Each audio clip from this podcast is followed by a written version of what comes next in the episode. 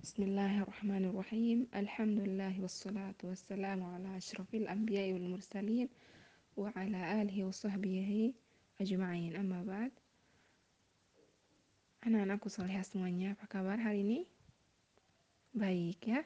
Pasti ya, baik. Bagi yang sakit, syafakilah. Bagi yang lagi galau, tetap semangat. Karena orang Islam, orang mukmin tidak mengenal kata galau ya karena kita sudah membaca Quran tiap hari mendengarkan tilawah tiap hari tidak ada galau dalam hati ya.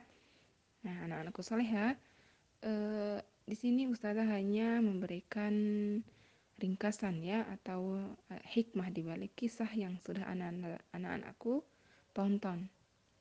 Dari kisah Ashabul Ukhdud orang-orang beriman yang dibakar di dalam parit.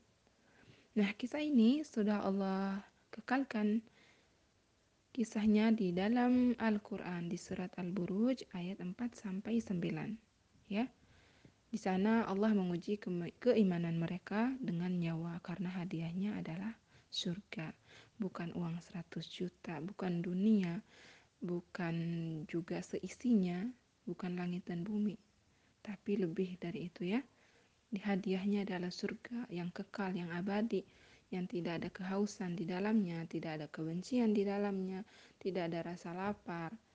Semua orang di dalam mendapatkan ketenangan, bisa melihat wajahnya Allah, bertemu para rasul dan lain-lainnya ya. Nah, begitulah ujian bagi orang yang beriman.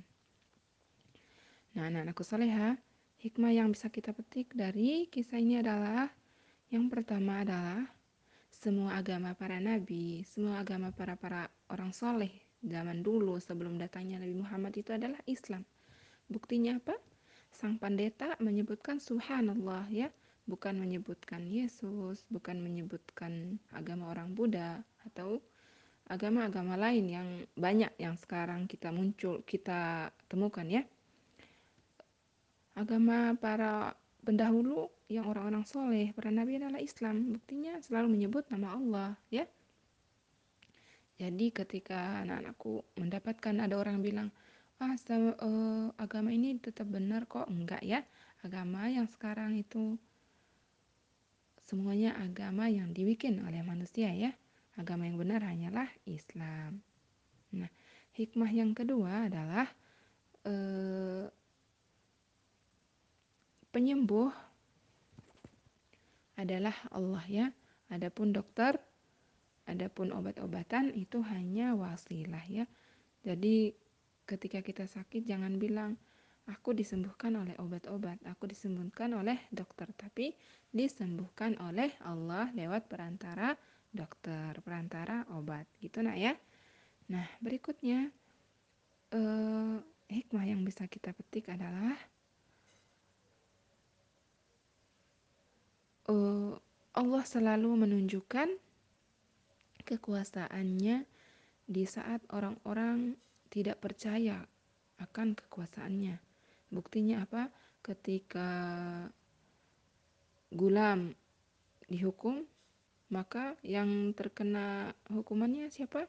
Justru uh, anak buah raja ya, bukan gulam. Karena Allah ketika melaku, ketika mengatakan kun fayakun jadilah maka terjadi gitu ya. Gampang buat Allah untuk menunjukkan kekuasaannya. Jadi jangan menantang sama Allah. Coba tunjukin gimana kekuasaan Allah. Coba kalau Allah itu benar-benar berkuasa tunjukin kepada saya. Nggak boleh ya kayak gitu. Itu menantang kekuasaan Allah. Nanti kalau Allah nunjukin apakah bisa dihadapin? Tentu saja tidak bisa ya. Nah berikutnya eh,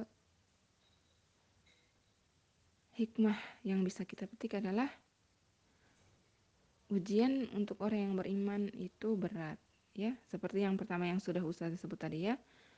Ujian bagi orang yang beriman itu berat. Jadi ketika anak-anakku misalnya lagi rajin ya sholat sunnah lagi rajin membaca Quran lagi rajin sedekah tiba-tiba terkena musibah Nah, jangan sedih, jangan bilang, "Oh, Allah kok gini? Saya sudah berbuat baik, tapi saya tetap mendapat musibah. Tapi nilai saya anjlok, hafalan Quran saya nggak lancar." Nah, nggak boleh kayak gitu. Itu tandanya Allah menguji Apakah kamu tetap dalam jalannya ketika mendapat musibah atau justru sebaliknya? Semakin anak-anakku misalnya membaca Qur'annya lancar, membaca Qur'annya kencang gitu dan ujian datang, itu pertanda Allah menguji. Berarti tidak boleh goyah, tetap lakukan yang terbaik karena nanti hadiahnya adalah surga. Ya, mau ketemu Nabi, mau ketemu sama orang-orang soleh, melihat wajah Allah, maka kuatlah dalam beriman, kuatlah dalam menghadapi musibah. Begitu nak ya.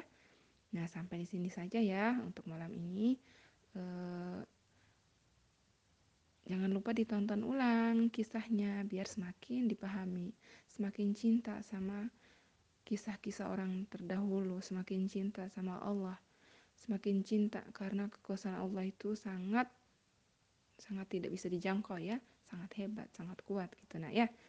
Nah, kita tutup dengan bacaan hamdalah, alhamdulillahirabbil alamin. Subhanakallahumma wabihamdika asyhadu an la ilaha illa anta astaghfiruka wa atubu ilaik. Sampai jumpa di pekan selanjutnya. Assalamualaikum warahmatullahi wabarakatuh.